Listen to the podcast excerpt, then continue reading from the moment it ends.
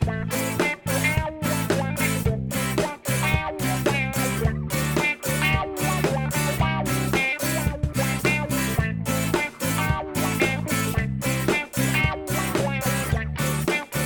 az Orient Express, az ázsiai kultúrák, népek, országok magazinja a civilrádió.net-en. Szivák Júlia vagyok, szerkesztőtársammal Günzberger Dórával együtt üdvözlöm a hallgatókat. India vallásainak kapcsán talán itthon kevesebb szó esik a szikkekről, holott a szik vallás a hinduizmus, iszlám és kereszténység után India negyedik legnagyobb vallása. Mai adásunkban a téma legjelesebb hazai szakértőjével, dr. Radnóti Alizzal beszélgetünk, aki kutatásai mellett 5 évig vezette a Delhi Magyar Kulturális Központot is. Az India oroszlányai a Szikek című könyv szerzője. Az Orient Express adásainak elkészültét a Magyar Nemzeti Bank támogatja. Felhívjuk hallgatóink figyelmét, hogy az Orient Express adásai nem csak a civilrádió.net-en hallgathatók, hanem podcastként az interneten is, az expressorient.blog.hu oldalon, a YouTube csatornánkon, továbbá a Soundcloudon, a Spotify-on, az iTunes-on és a többi podcast alkalmazásban, méghozzá bárhol, bármikor, milyen kutyuvel. A járványhelyzet miatt az Orient Express mai adását Skype-on keresztül készítjük, a szokásosnál rosszabb hangminőségért elnézésüket kérjük.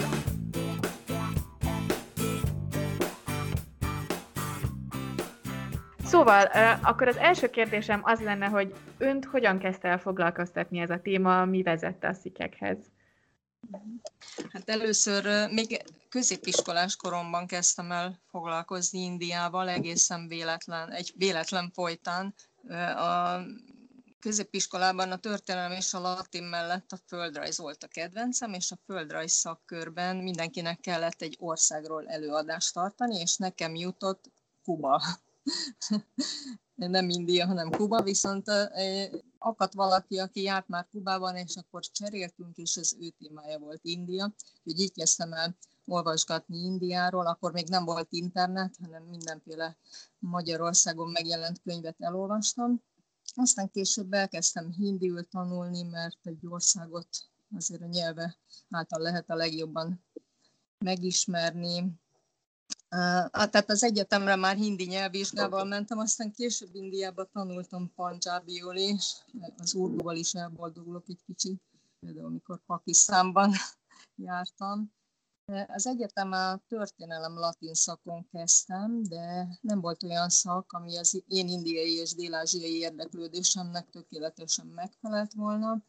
Ezért egyéni tanulmányi rendben így összerakva kezdtem egy szakot Indiáról, teljesen hivatalosan, és akkor minden műhelyt vagy fontosabb kutatót megkerestem, aki ezekkel a témával témákkal foglalkozott, úgyhogy a történelemtől a politikán, a vallástörténeten keresztül mindenfélét tanultam Indiáról és Dél-Ázsiáról, még a szanszkrit nyelvbe is belekóstoltam egy kicsit.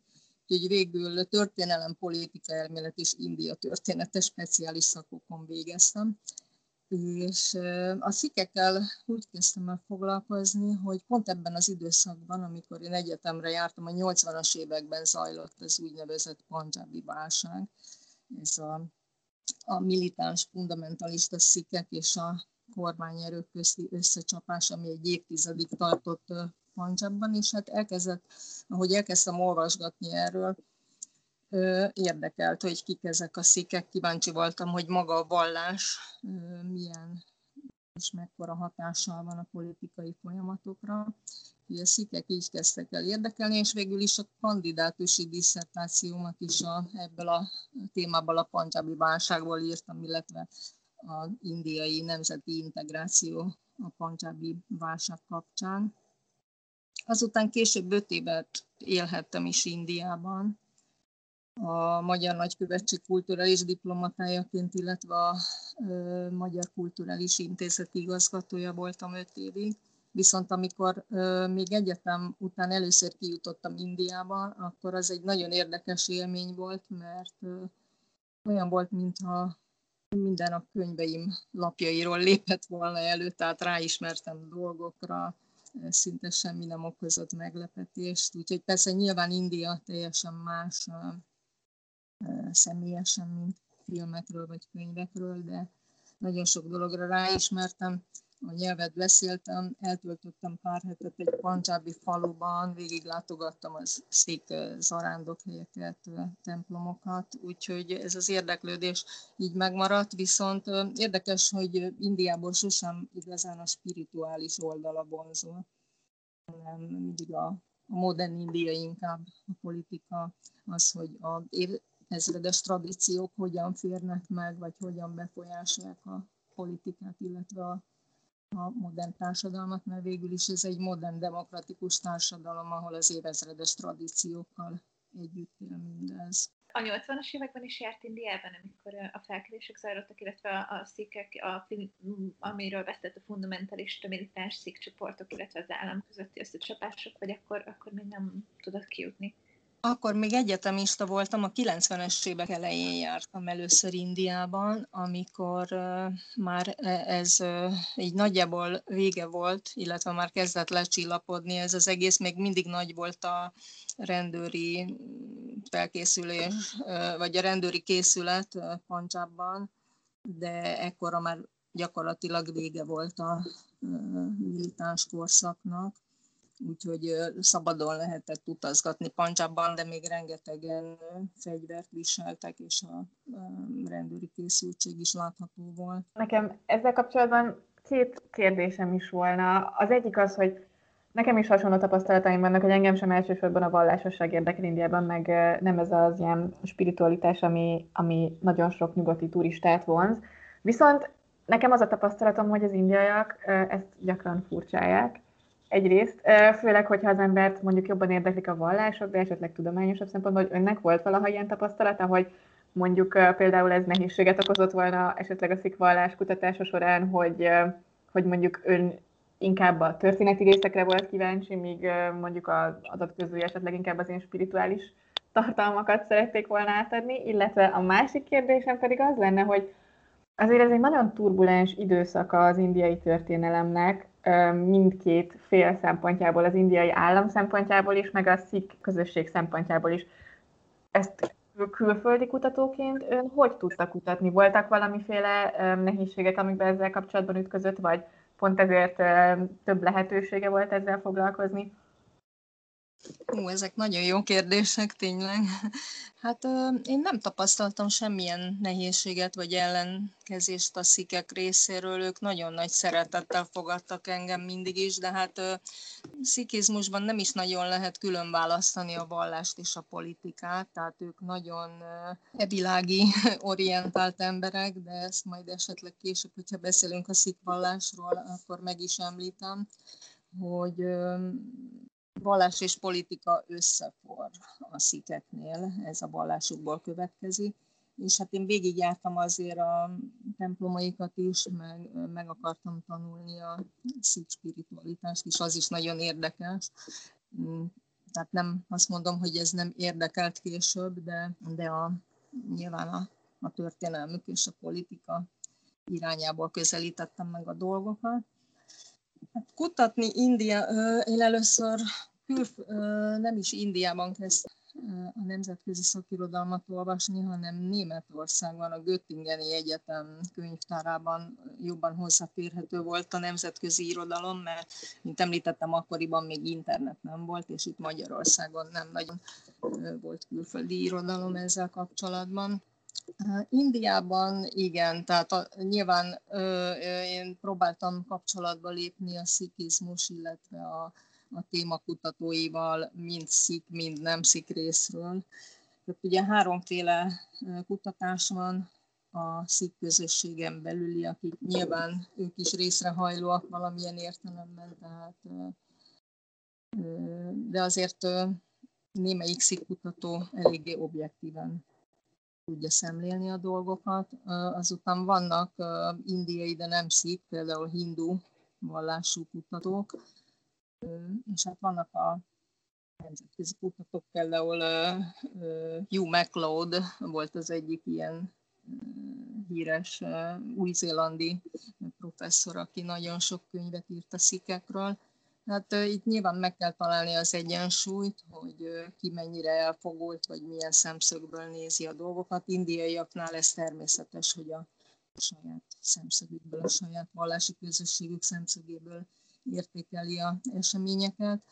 Tehát ezért nagyon fontos, hogy többfajta irodalommal dolgozzunk, és szerintem ezért fontos a harmadik fél nézőpontja mindig, ezért érdemes nem indiaiként is kutatni ezt a témát, hogy nagyobb objektivitással lehet nézni a történetet. Ezzel teljesen egyetértek, és akkor most egy kicsit vágjunk is bele a szikizmusba. Ugye már, már említette, hogy a szikizmusnál nagyon fontos az, hogy nem válik el a politika és a, és a vallás annyira élesen, mint esetleg más vallásoknál. Egy kicsit tudna nekünk mesélni arról, hogy mit is kell tudni a szikekről és a szikizmusról egyáltalán ki ezek a szikek, miért emlegetjük Panjábot folyamatosan? A szik vallás Panjábban alakult ki valóban, ez Észak-Indiában az öt folyóvidéken, ez, ez a terület mindig is India szárazföldi kapuja volt, tehát gyakorlatilag az összes Indiába irányuló hódítás itt zajlott. Itt jöttek be a mongolok, afgánok, perzsák, mogulok Indiát meghódítani, úgyhogy egy eléggé turbulens vidék volt. És a 15.-16. század fordulóját a, vallásilag az jellemezte, hogy a hinduizmus, illetve annak a formája a brákmanizmus volt az uralkodó. Tehát a társadalmat hindu vallás szigorú rituálékhoz kötött előírásai szőtték át mind a vallásban, mind a kasztrendszerben, szigorú elkülönülés. Az adminisztrációt viszont a muszlim uralkodók vitték először a Lódi szultánok, aztán 1526-tól a Mugal, vagy magyarosan Mogul császárok.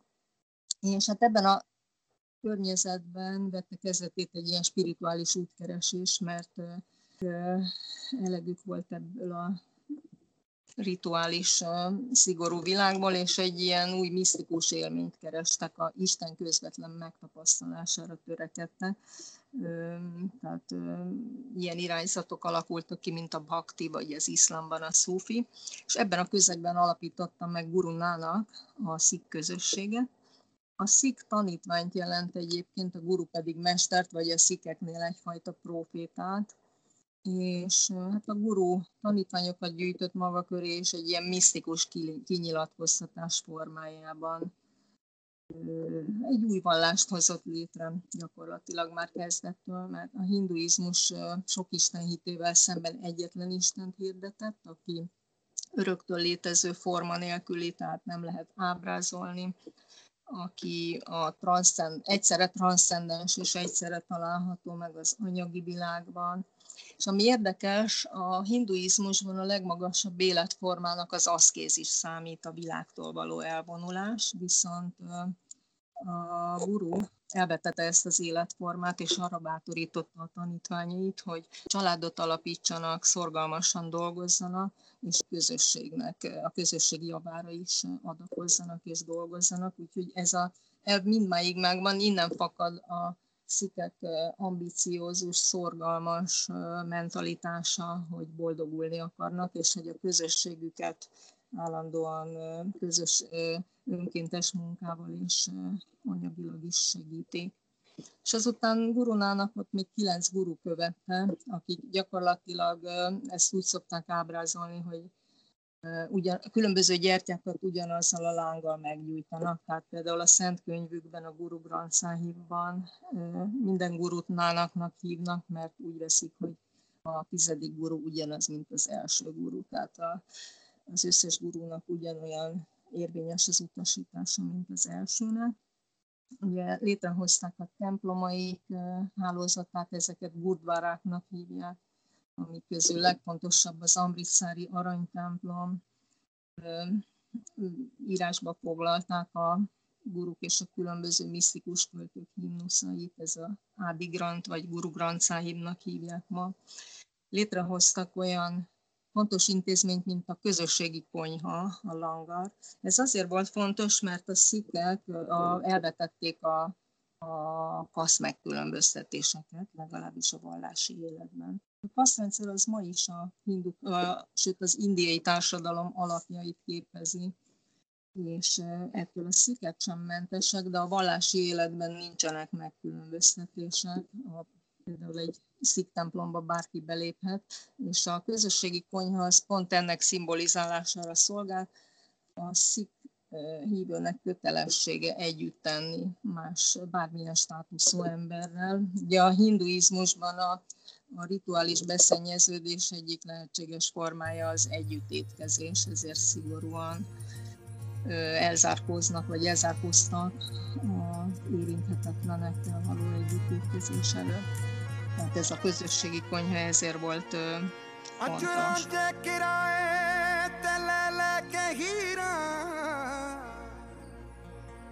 ਇਸ਼ਕੇ ਦੀ ਚਾਦਰ ਕਰੀ ਜਾਣ ਲਈ ਹੋਟਲ ਦੇ ਬੇਲੇ ਚ ਚੂਰੀ ਖਵਾ ਕੇ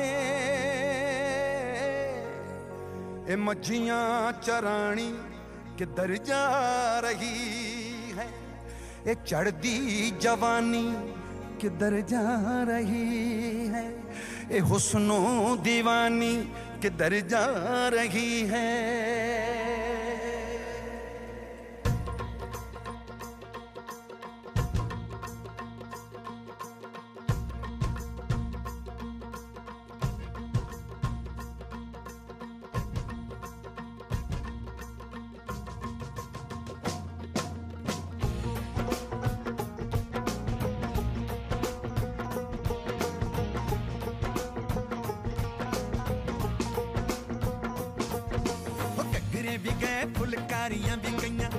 ਇਹਨਾਂ ਵਿੱਚ ਕੋਕਰੂ ਤੇ ਵਾਲੀਆਂ ਵੀ ਗਈਆਂ।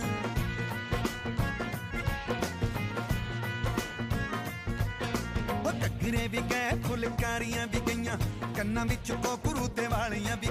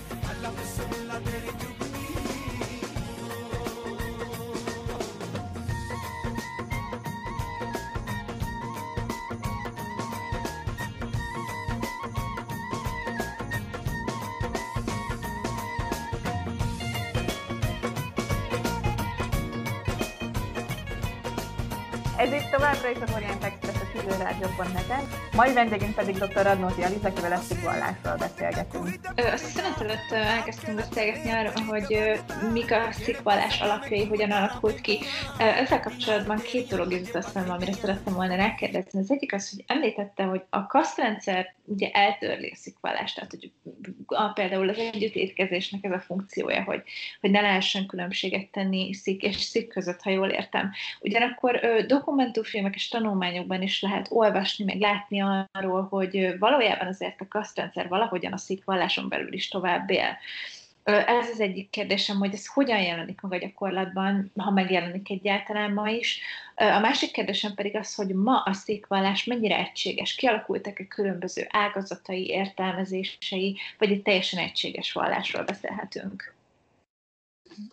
Igen, tehát fontos az, hogy a szikek tizedik gurúja, Guru Gobind Singh kialakított egy teljesen egységes csoportot a szikeken belül, illetve a kalsza, szöve, kalsza testvériség, a tiszták, ez a kalsza jelentése, ahol egységesítette a neveket, tehát például minden szik férfit szingnek és minden sziknőt kornak hívnak, hogy a kasz nevet elhagyják és az öltözetet meg a külső megjelenést is egységesített, tehát van öt szimbólum, külsődleges szimbólum, amit viselniük kell mindenkinek, nem szabad a hajukat, szakállukat vágni, turbánt hordanak, kardot hordanak maguknál állandóan, és ez egyben egy ilyen harcias tradíciókat is meghonosított a cikkeknél, tehát ez egy valóságos hadsereg lett. De az is igaz, hogy ez a csoport, a kalsza szikák csak egy részét képezik a, azoknak, akik egyébként a guru tanításait követik. Tehát nem minden szik kalsza szik, hanem vannak olyanok, akik nyírják a hajukat, szakálukat, és hát őket lassan haladó szikeknek hívják, de a, szik, a mostani határozat szerint az számít sziknek, aki megtartja ezeket a külsőségeket, és nekik valóban nem szabad a kaszkülönbségeket figyelembe venni, viszont az igaz, hogy a szikeknél is, mint egy India egész társadalmában, még a muszlimoknál is találhatunk kasztokat, ők számon tartják, hogy milyen kaszból származnak, és például a házasodás az nagyon is kaszton belül történik. Tehát csak a kasz diszkrimináció az, amit, amit tilos neki. Bár sajnos erre is van példa manapság, de ez már egy ilyen fellazulás a vallásnak. Tehát igen, ez egy ellentmondás, hogy sokan megtartják a passz nevüket is, holott csak szingnek hívhatnák őket. És, és hát ez okoz társadalmi feszültségeket is, de, de általában jellemző a szik történelemben, hogy ahogy beköszönt egy kis jólét, kezdenek sokan visszaolvadni a, a hindu, hinduk nagy családjába. A hinduizmusnak nagy óriási az asszimilációs képessége, és a székek nagyon közel álltak mindig is a hindukhoz, hogy elég, hogyha valaki elhagyja haját, szakállát, elkezdi levágatni, nem tartja már meg a öt szimbólumot, esetleg más isteneknek is elkezd áldozni, nem csak a gurdvárákba jár, és már is gyakorlatilag hinduvá válik.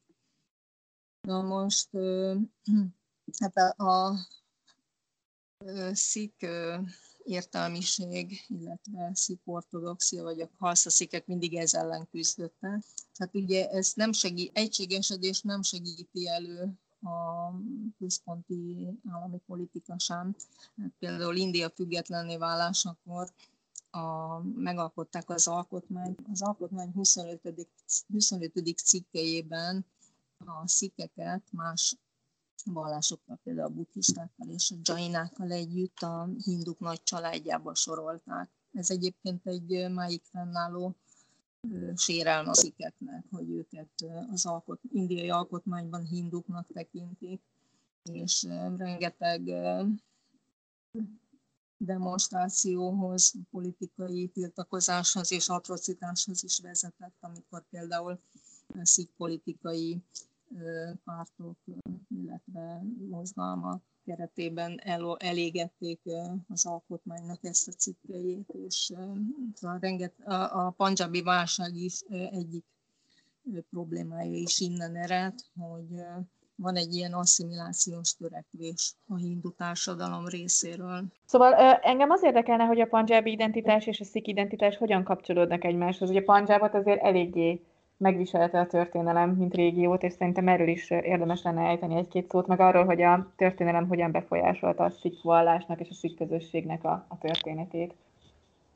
Igen, amikor, amikor Indiát, a brit Indiát végül, amikor India elnyerte a függetlenségét, és brit Indiát felosztották, akkor, akkor ez végül vallási alapon történt a Indiát muszlim és hindu és egyéb részekre osztották. Ugye a muszlim területekből lett Pakisztán, amiben 1971-ig Banglades is beletartott, és hát ezt a határt ezt pont Panjab közepén húzták meg, hát Nyugat-Panjab Pakisztánhoz került, Kelet-Panjab Indiához, és a szikeknek itt elvileg három választásuk lehetett volna, hova csatlakoznak, illetve hogy a történelmi Panjabból egy önálló államot hoznak létre, de igaziból a működő opció csak az volt, hogy Indiához csatlakozzanak.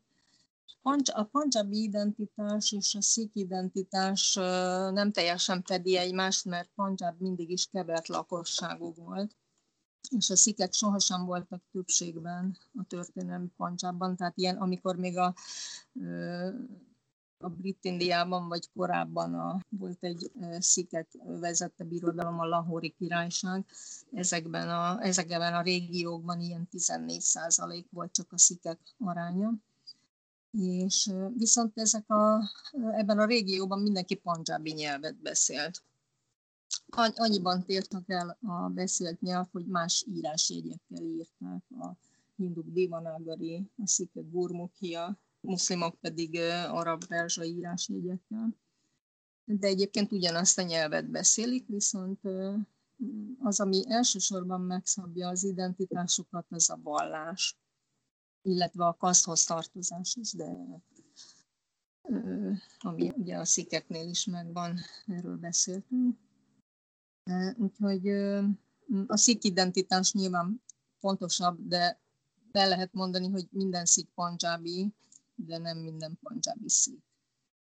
És tehát ezek így elválnak egymástól.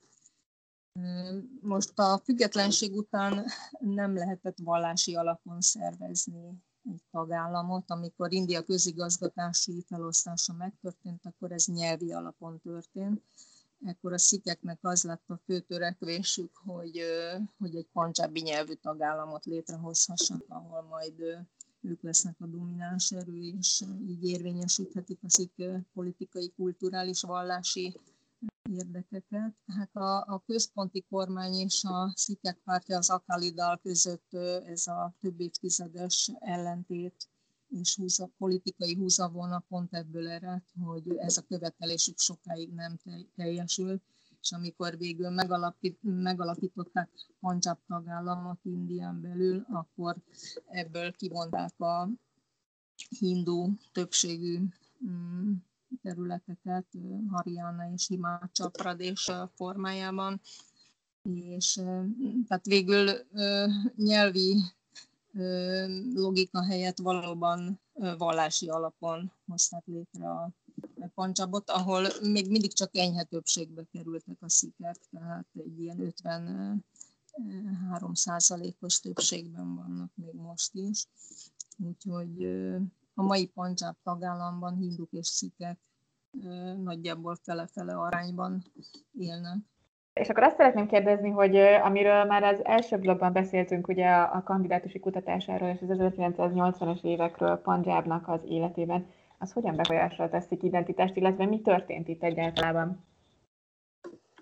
Hát amikor végül létrehozták nagy sokára a Punjab tagállamot Indiában, akkor az eredménnyel a szik politikai vezetés és lakosság nem igazán volt meg elégedve, rengeteg követelésük volt, gazdasági és politikai követelések is, de a legnagyobb probléma az volt, hogy megint egy ilyen erjedés kezdődött a szik társadalomban, sokan elfordultak a guruk tanításaitól, illetve a, a kalsza közösségétől nem tartották be a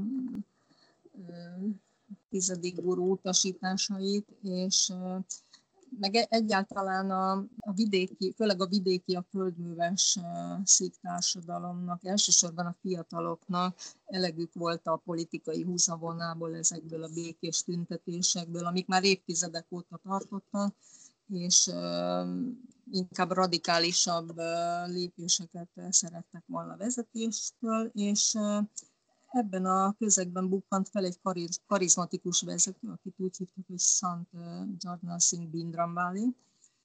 Ő egyébként tökéletesen megtestesítette a, a Sant Szipáhi, vagy a Szent Katona, nem, Szent az nem nyugati értelemben ö, ideáját, aki, aki életmódjában teljesen követi a tizedik példáját.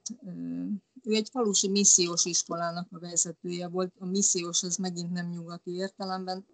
Ezek a vallási tanítók folyamatosan járták a pancsábi vidéket, arra buzdították a lakosságot, hogy térjenek vissza a szik ideálokhoz, akár fegyverrel is védjék meg a hitet, és hát ez volt ez a vallási fundamentalizmus, ami nagyon sok főleg fiatalnak szimpatikus volt, és magához vonzotta a vidéki embereket. És ez az érdekes, hogy a politikában Bindran Válét éppen az a kongresszus párt emelte be, amelyik majd a, bukását is okozta.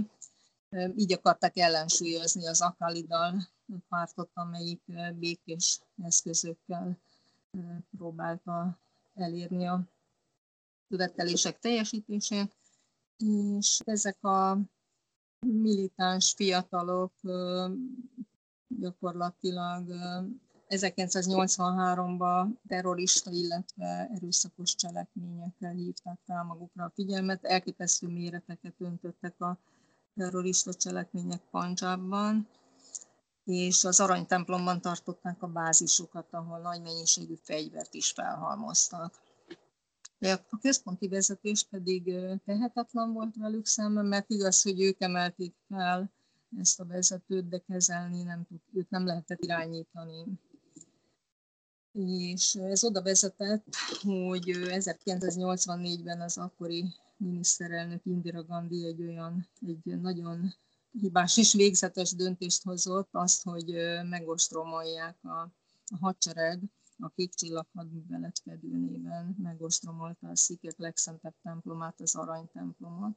Ráadásul egy olyan napon, amikor zarándokok ezzel látogattak Amritsárban, hogy részt vegyenek egy ünnepségen, Ráadásul az ostrom, a katonai ostrom nem olyan simán zajlott le, ahogy tervezték, mert nem számítottak arra, hogy ennyire ilyen szinte erődítményé tették az aranytemplomot a militánsok, sőt olyan fegyverek, olyan fegyvereik voltak, mint páncéltörő rakéta, Úgyhogy végül is az ostromban leromboltak egy csomó épületet, százak meghaltak, köztük a militánsok is, maga a Bindrambálé is, aki ezzel legendás mártírá vált a szikek szemében. Egyébként még nagyon sokan most is mártírként tisztelik az aranytemplomban, ott van a képen.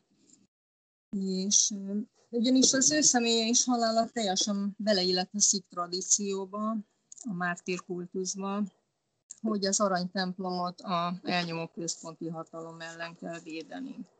És hát ami ezt követte, a, egyrészt a közvetlen hatása az volt, hogy megtorlásként Indira Gandhi sziktestőrei megölték a miniszterelnököt.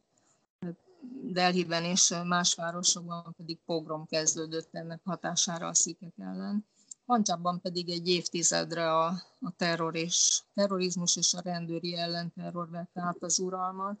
Tehát mindkét részről lelehetetlenítették a lakosságot.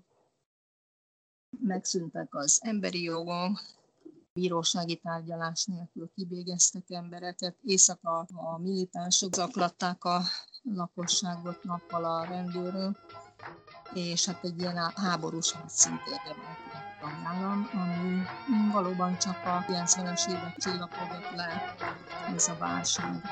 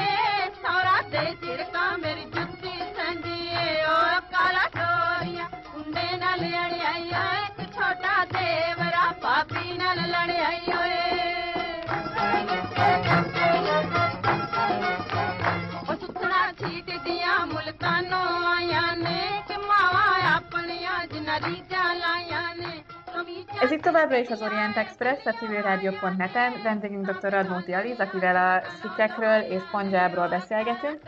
Az előző szekcióban, az előző blogban beszélgetünk a nagy panjábi válságról a 80-as években, és odáig el, hogy Indira Gandhi hát tele is halt ebbe az egészbe, és a rossz politikai döntéseinek a következményeibe. Hogy lett ennek vége? Hogy csillapodtak le a kedélyek megint? Ennek kettős oka van. Egyrészt a, a legnagyobb az volt, hogy a lakosság egyszerűen kifulladt ebben a, az állandó harcban és fenyegetettségben, és már nem támogatta a militánsokat. A másik pedig egyszerűen fizikailag megsemmisítették a, a militánsok vezetőit. Akkor egy nagyon kemény rendőrnök volt, és tehát egy évtized alatt egyszerűen levadázták a, a militánsokat. És, és egy szinte, mintha bezényszóra történt volna, egyszer csak újra beköszönt léke, és meg lehet születni rendkívüli állapotokat. Tehát valószínűleg ez a, ez a kettős mm, oka annak, hogy egyszer csak vége lett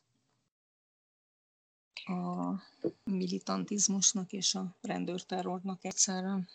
A, beszélgetés eleje felé említette azt, hogy a szik vallásban nem nagyon lehet elválasztani egymástól a vallást és a politikát.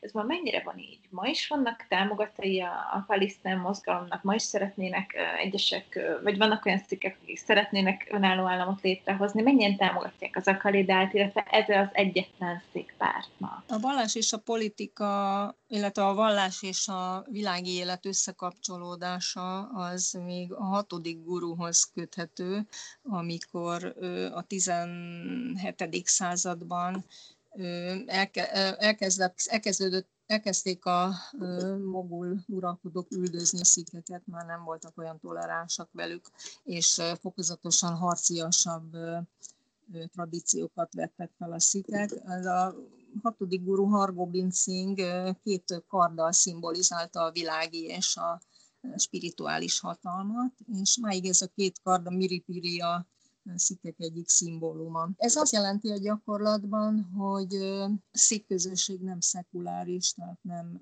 az a politika, politizálás mindig is az aranytemplomból történt, az Akalidal, az a szik templom igazgatóságnak a politikai karja volt gyakorlatilag, és ez a mai napig így van, a szik templom igazgatóság például nagyban meghatározza a szik politikát. Ami a Kalisztán mozgalmat illeti, az, az a Punjabi válság végével kifulladt Indiában. És én úgy gondolom, hogy ma, ma már csak a diaszporában külföldön létezik Kalisztán mozgalom, illetve ideológia. Egyébként maga a militánsok vezetője, vagy a szik fundamentalizmus vezetője Bindrambál sem igazán volt a szeparáció pártján, tehát ő csak a vallás megtisztítását akarta tehát a Kalisztán mozgalom nem jellemző, viszont az Akalidal, amelyiknek ma már több frakciója van, hát a mai napig mondjuk felváltva a kongresszuspárttal uralkodik Panjabban, most éppen kongresszpárti kormány van, helyi kormány van Panjabban. De az Akalidal érdekes módon a hindu párttal, a BJP-vel vannak szövetségben, de ez nem annyira meglepő, mert a BGP hagyományosan a hindukat tudta megszólítani Pancsabban, az akalidál meg a szikeket, miközben a ellenzékük a kongresszuspárt szekuláris alapon mindkét vallási közösségből gyűjtött szavatokat, úgyhogy tehát a BJP és az Akali általában szövetségesek, de ez mostanában bomlott ez a szövetség részben a jelenleg zajló földműves tüntetések miatt, illetve a BJ, központi BJP kormány agrárpolitikája miatt, részben korábbi ellentétek miatt most felbomlott, de valóban az Akalidal hivatott, vagy szeretné képviselni az összes sziket Pancsában. Ha már ejtettünk néhány szót a diaszporáról, akkor most egy kicsit erről szeretném kérdezni, hogy ugye azért a szikeknek eléggé komoly jelenléte van a világ több országában. Mit kell tudnunk a szik diaszporáról, vagy a panjabi diaszporáról úgy egyáltalában? Igen, hát a szikek mindig is legalábbis a modern korban szívesen vándoroltak el Indiából. Egy olyan 25-30 millióra tehető az összes szik létszáma a világban, és ebből 3 millió külföldén él, főleg az Egyesült Királyságban, Észak-Amerikában, Ausztriában, Új-Zélandon, de Dél-Kelet-Ázsiában is sokan vannak, és a szik diaszpora a legtöbb országban rendkívül jómódú és befolyásos, összetartó, őrzik a vallási identitásukat, sokszor még jobban is, mint Indiában a nagy többség. És hát Én úgy gondolom, hogy nagy többségük politikailag mérsékelt, de a köztük szeparatist csoportok. Igaziból maga a kalisztán ideológia is eredetileg külföldről, a diaszpórából származott. És hát ők támogatják anyagilag is, meg rokoni kapcsolataik által a indiai szikeket, és így ilyen úton, módon részt is tudnak venni politikában, tehát befolyásolják a indiai politikát. Van, ahol például Kanadában a hadseregben, Kanadában vagy Nagy-Britanniában a hadseregben is jelentős szerepük van, meg például az indiai sziketnek az indiai hadsereg, ők egy harcos csoport volt a 18. századtól.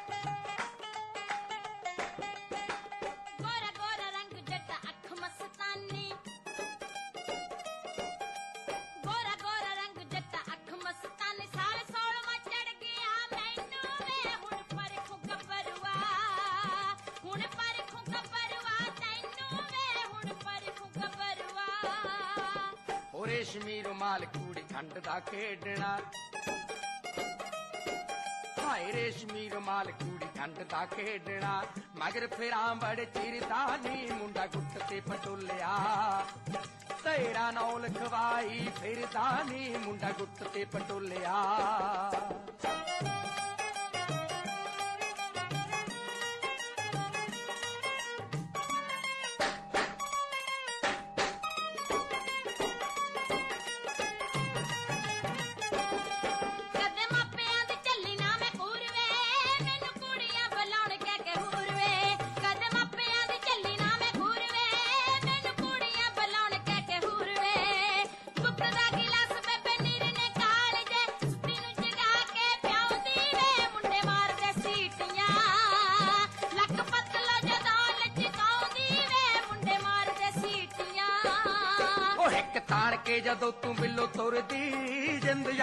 ਬਰਫ਼ ਵਾਂਗੂ ਖੁਰਦੀ ਇੱਕ ਤਾਣ ਕੇ ਜਦੋਂ ਤੂੰ ਬਿੱਲੋ ਤੁਰਦੀ ਨੀ ਜਿੰਦ ਯਾਰ ਦੀ ਬਰਫ਼ ਵਾਂਗੂ ਖੁਰਦੀ ਹੋ ਤੇਰੇ ਨਾਲ ਕੋਈ ਭੈੜੀ ਵਾਰਦਾਤ ਐਵੇਂ ਬੈਠਣਾ ਦਰਾਂ ਚ ਮੰਜੀ ਢਾਕੇ ਨੀ ਮੁੰਡੇ ਪਿੰਡ ਦੇ ਹੰਨਣੇ ho ਚੱਕ ਲੈ Ez itt az Orient Express, a civilrádió.net-en, mai vendégünk dr. Radnóti Aliza, akivel a szikekről beszélgetünk, és az előző blogban már kicsit beszéltünk a, az India határain kívül élő szikekről, és most ezt a témát fogjuk tovább folytatni. Igen, engem is az India határain kívül élő szikek érdekelnek nagyon. Pakisztán szakértőként nem állom meg, hogy megkérdezzem, hogy milyen helyzet a pakisztáni szikekkel. Főként egy nagyon különleges csoport érdekel a, a pakisztáni szikeken belül. Azok a szikek, akiket, ha jól tudom, a 19. században költöztettek az északnyugati határvidékre, a mai afgán-pakisztáni határ mellé, és akik már pastú nyelven beszélnek, tehát nem is nagyon kötődnek már a panjabi tartományhoz. Tehát velük mi a helyzet? Mennyire tartják a, a, a kapcsolatot a, ha lehet ilyet mondani, a szik vallás központjával az indiai panjabi régióban? Szikek története ugye a történelmi értelembe vett Panjabi régióhoz köthető, és a Brit-India kettő osztása után a szik történelem fontos emlékhelyei, illetve történelmi gurdvárák Pakisztánban maradtak. Ezek például Nankana Sahiba gurunának az első guru születi, szülőhelye, illetve Kartarpur Sahiba, ahol élt guruként és meghalt. Ez mind a kettő fontos zarándokhely. Viszont Pakisztán, ahol ugye 90%-ban muszlim a lakosság, nem szekuláris ország, hanem az iszlám az államvallás, és mindössze 2%-ot kitevő vallási kisebbségeknek nincsen túl jó dolgok. Uh, állandó zaklatás, atrocitás, áttérítési kísérletek fenyegetik a hindukat, szikeket és a keresztényeket is, sőt az iszlám szunita fővonalától eltérő irányzatokat is hogy ez mi sem bizonyítja jobban, mint hogy a 2002-ben még ilyen 40 ezeret kitevő szik közösség létszáma már, már alig 8 ezerre csökkent az elvándorlások miatt. Noha helyi szinten különböző atrocitásokat csak félgőzzel fékezi meg a pakisztáni kormány, azért tesznek gesztusokat a szik közösség felé. Ilyen volt például a tavaly a Kartárpori korridor közös megépítése, amit a indiai és a pakisztáni miniszterelnök közösen bár külön-külön Narendra Modi Indiában, Imran Khan pedig Pakisztánban avatott fel, hogy a zarándokok ezen a négy kilométeres folyosón át tudjanak menni Pakisztánba az zarándok helyekre a diaszporában vannak már ilyen másod-harmadik generációs szikek, akik ott születtek már ezekben az országokban, tehát például magam is találkoztam olyan tajföldi szikekkel, akik már nem beszélték a pancsábi nyelvet sem, hanem csak nyelven beszéltek, és például ez az illető éppen házasságra készült, viszont Pancsabból hozott magának mennyasszony, aki pedig csak panjabi nyelven beszélt nyelven, nem, úgyhogy még közös nyelvük sem volt. Viszont tehát, hogy a messzire került többedik generációs szikke között van ilyen, hogy már a nyelvet sem beszélik. Tehát mondjuk India és Pakisztán között egyébként is feszültségek vannak a tavalyi Tavaly pont, amikor a mm, Kartápori korridort megnyitották, akkor zajlott a, akkor változtatták meg előtte a Kasmír speciális státuszát, ami addig az alkotmányban garantált, garantált volt, úgyhogy ez okoz feszültségeket, és most egyébként is lezárták ezt a Kartápori korridort a, a koronavírus járványra hivatkozva, úgyhogy nem tudom, mi lesz ennek a további sorsa, de hát mindenképpen jó, hogy a kevés határátkelőhely mellett még ezt is megnyitották az arándokok számára. Akkor már, hogyha az aktualitásokról beszélgetünk, és az aktuál politikáról, akkor tudna nekünk kicsit mesélni ezekről a földműves tüntetésekről, amik most Indiában zajlanak? Ugye ez még a magyar sajtónak az inger küszöbét is megütötte, pedig ez Indiával kapcsolatban nem, nem egy gyakori történés. Hogy egészen pontosan mi történik, és mi köze van mindennek Panjábhoz és a szikekhez? Mm, igen, igen. Tehát a, ezek a farmer tüntetések azért indultak, mert a mostani Narendra Modi vezette BJP kormány hozott, illetve hát átvitt a parlamenten három agrártörvényt, amivel hát gyakorlatilag ők modernizálni szeretnék a mezőgazdaságot azáltal, hogy az állami beavatkozás helyett megnyitja ezt az ágazatot a piacgazdaság számára. Korábban, illetve egészen mostanáig az volt a rendszer, hogy a földművesek a termékeiket egy közvetítő révén állami, minimál, minimálisan államilag garantált áron adhatják el, mégpedig egy ilyen közvetítő piacon. Most pedig az lenne az új rendszer, hogy közvetlenül a vásárlóknak, például a szupermarket láncolatoknak, nagyvállalatoknak olyan áron adhatják el, amilyen árat ki tudnak alkudni. Mivel a mm, szik, szikeké egy elsősorban domináns földműves, dominánsan földműves kultúra, tehát egy paraszti kultúra, és a szik közösségben ma a dzsat közösség képezi a domináns erőt, amelyik egy ilyen földműves nagyobb kasztnak nevezném, vannak alkasztjai ezért hát a, földműves tüntetések nagyon is a szikekhez köthetők, illetve ők a vezető erők ebben. A, a földművesek a többnyire kis és középbirtokos földművesek nem örültek ezeknek a törvényeknek, mivel félnek attól, hogy kiszolgáltatottá válnak a, a nagyvállalkozóknak, akik majd lenyomják, vagy szabadon csökkenthetik az árakat úgyhogy ők szeretnék megtartani továbbra is a, a garantált minimálárat, ami ugye egy állami beavatkozás, de jel, na és jelenleg hát a föld, az agrártörvények meghozata előtt nem is nagyon konzultáltak a földművesekkel, és a törvények hírére tízezrek kezdtek el demonstrálva felvonulni a fővárosba. Úgy jelenleg az a helyzet, hogy ezek a demonstrálók a Delhibe vezető utakat, utak mellett táboroznak, azokat blokkolják, a vasutat is leblokkolták, úgyhogy a főváros gyakorlatilag a főútvonalakon el van zárva, és hát így ilyen padhelyzet alakult ki, tehát ez gyakorlatilag a módi kormány egyik legnagyobb kihívás, politikai kihívása eddig a uralkodása alatt. És hát gyakorlatilag most három lehetőség van. vagy a központi kormány ragaszkodni fog ahhoz, hogy változatlanul hagyják a nagy tiltakozást kiváltó törvényeket, és rendfenntartó erőkkel próbálják elnyomni az elégedetlenséget, amire ugye volt példa Panjabi történelemben, de hát ezzel azt reckírozzák, hogy a következő országos választásokon, sőt a regionális választásokon, ami korábban lesz, 2022-ben akár vereséget is szenvedhetnek, vagy visszavonják a törvényeket, ebben az esetben viszont a nagyhatalmú vállalatok támogatását veszíthetik el, illetve hát a legvalószínűbb verzió az, hogy valamilyen meg, kompromisszumos megoldást találnak, és óvatosan arcvesztés nélkül kihátrálnak a törvények mögül.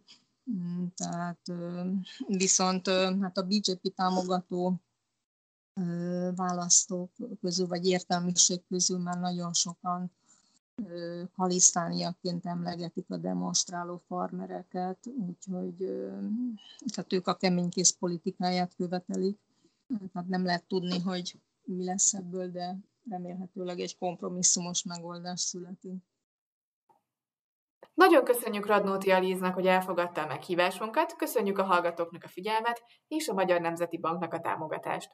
Önök az Orient Express-t, a civilrádió.net ázsiai magazinját hallották, a műsort Szivák Júlia és Günzberger Dóra vezették. Felhívjuk a figyelmüket, hogy az Orient Express adásai nem csak a civilrádió.net-en hallgathatók, hanem podcastként az interneten is. A címünk expressorient.blog.hu, de ott vagyunk a YouTube-on, a Soundcloud-on, az iTunes-on, a Spotify-on és a többi podcast alkalmazásban is.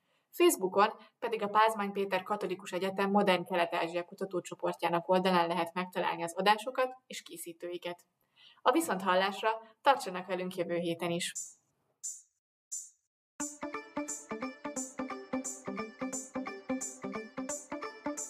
ਭਾਵੇਂ ਸਾਰੀ ਦੁਨੀਆ 'ਚ ਜਾ ਕੇ ਵੇਖ ਲਓ ਹੁਸਨ ਮੁਕਾਬਲਾ ਕਰਾ ਕੇ ਵੇਖ ਲਓ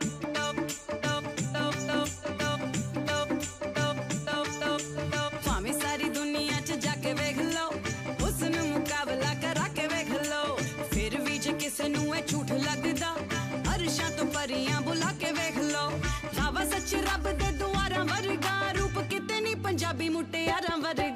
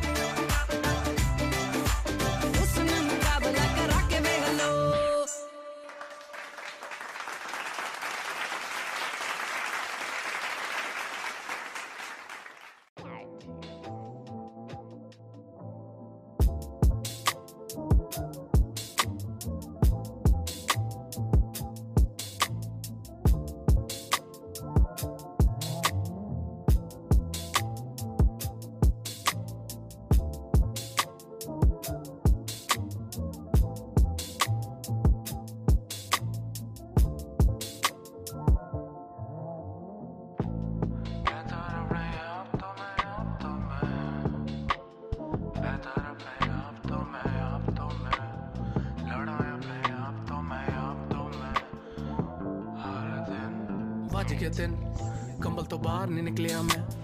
आलस दा मारा करो दी बाहर नहीं निकलिया मैं। खाली सी जेबा भूखा सी पेट, सुता सी लेट। हमी कमाया मैं कुछ नहीं, खाया मैं कुछ नहीं। मैं बदलते हैं बैठा वे सीनू। उत्ते पर चढ़ा ना ज़मीन। जमीनू लगेगा मैं अभी दे करीब तू। राजा नहीं इस खेड़े दा मुनीम तू। yeah. ਖੇੜੇ ਆ ਬੈਠਾ ਵੇਖਾ ਸੀਨੂ ਉੱਤੇ ਪਰ ਛੱਡਾ ਨਾ ਜ਼ਮੀਨ। ਨੂੰ ਲੱਗੇ ਕਾਮਯਾਬੀ ਦੇ ਕਰੀਬ ਤੂੰ।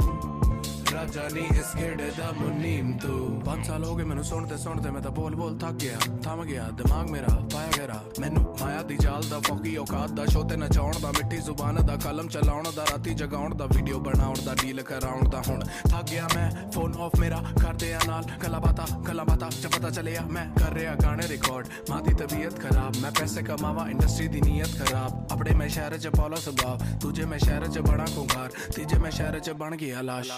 ਵੱਜ ਕੇ ਤਿੰਨ, ਕੰਬਲ ਤੋਂ ਬਾਹਰ ਨਹੀਂ ਨਿਕਲਿਆ ਮੈਂ, ਆਲਸ ਦਾ ਮਾਰਾ ਕਰੋ ਦੀ ਬਾਹਰ ਨਹੀਂ ਨਿਕਲਿਆ ਮੈਂ।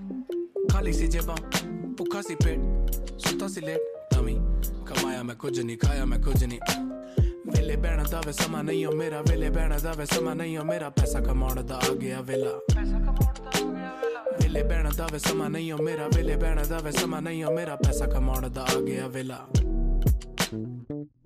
ਮੈਂ ਬਦਲਤੇ ਆ ਬੈਠਾ ਵੇਖਾ ਸੀਨੂ। ਉੱਤੇ ਪਰ ਛੱਡਾ ਨਾ ਜ਼ਮੀਨ ਨੂੰ। ਲੱਗੇ ਕਾਮਯਾਬੀ ਦੇ ਕਰੀਬ ਤੂੰ। ਰਾਜਾ ਨਹੀਂ ਇਸ ਖੇੜੇ ਦਾ ਮੁਨੀਮ ਤੂੰ। ਮੈਂ ਬਦਲਤੇ ਆ, ਬੈਠਾ ਵੇਖਾ ਸੀਨੂ ਉੱਤੇ ਪਰ ਛੱਡਾ ਨਾ ਜ਼ਮੀਨ ਨੂੰ।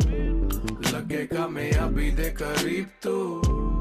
ਰਾਜਾ ਨਹੀਂ ਇਸ ਖੇੜੇ ਦਾ ਮੁਨੀਮ ਤੂੰ। ਸੜਦੇ ਸੀ ਪਹਿਲਾਂ, ਹੁਣ ਲੜਦੇ ਨੇ ਮੇਥੋਂ ਕਿਉਂਕਿ ਬੱਚੇ ਹੋ ਗਏ ਵੱਡੇ।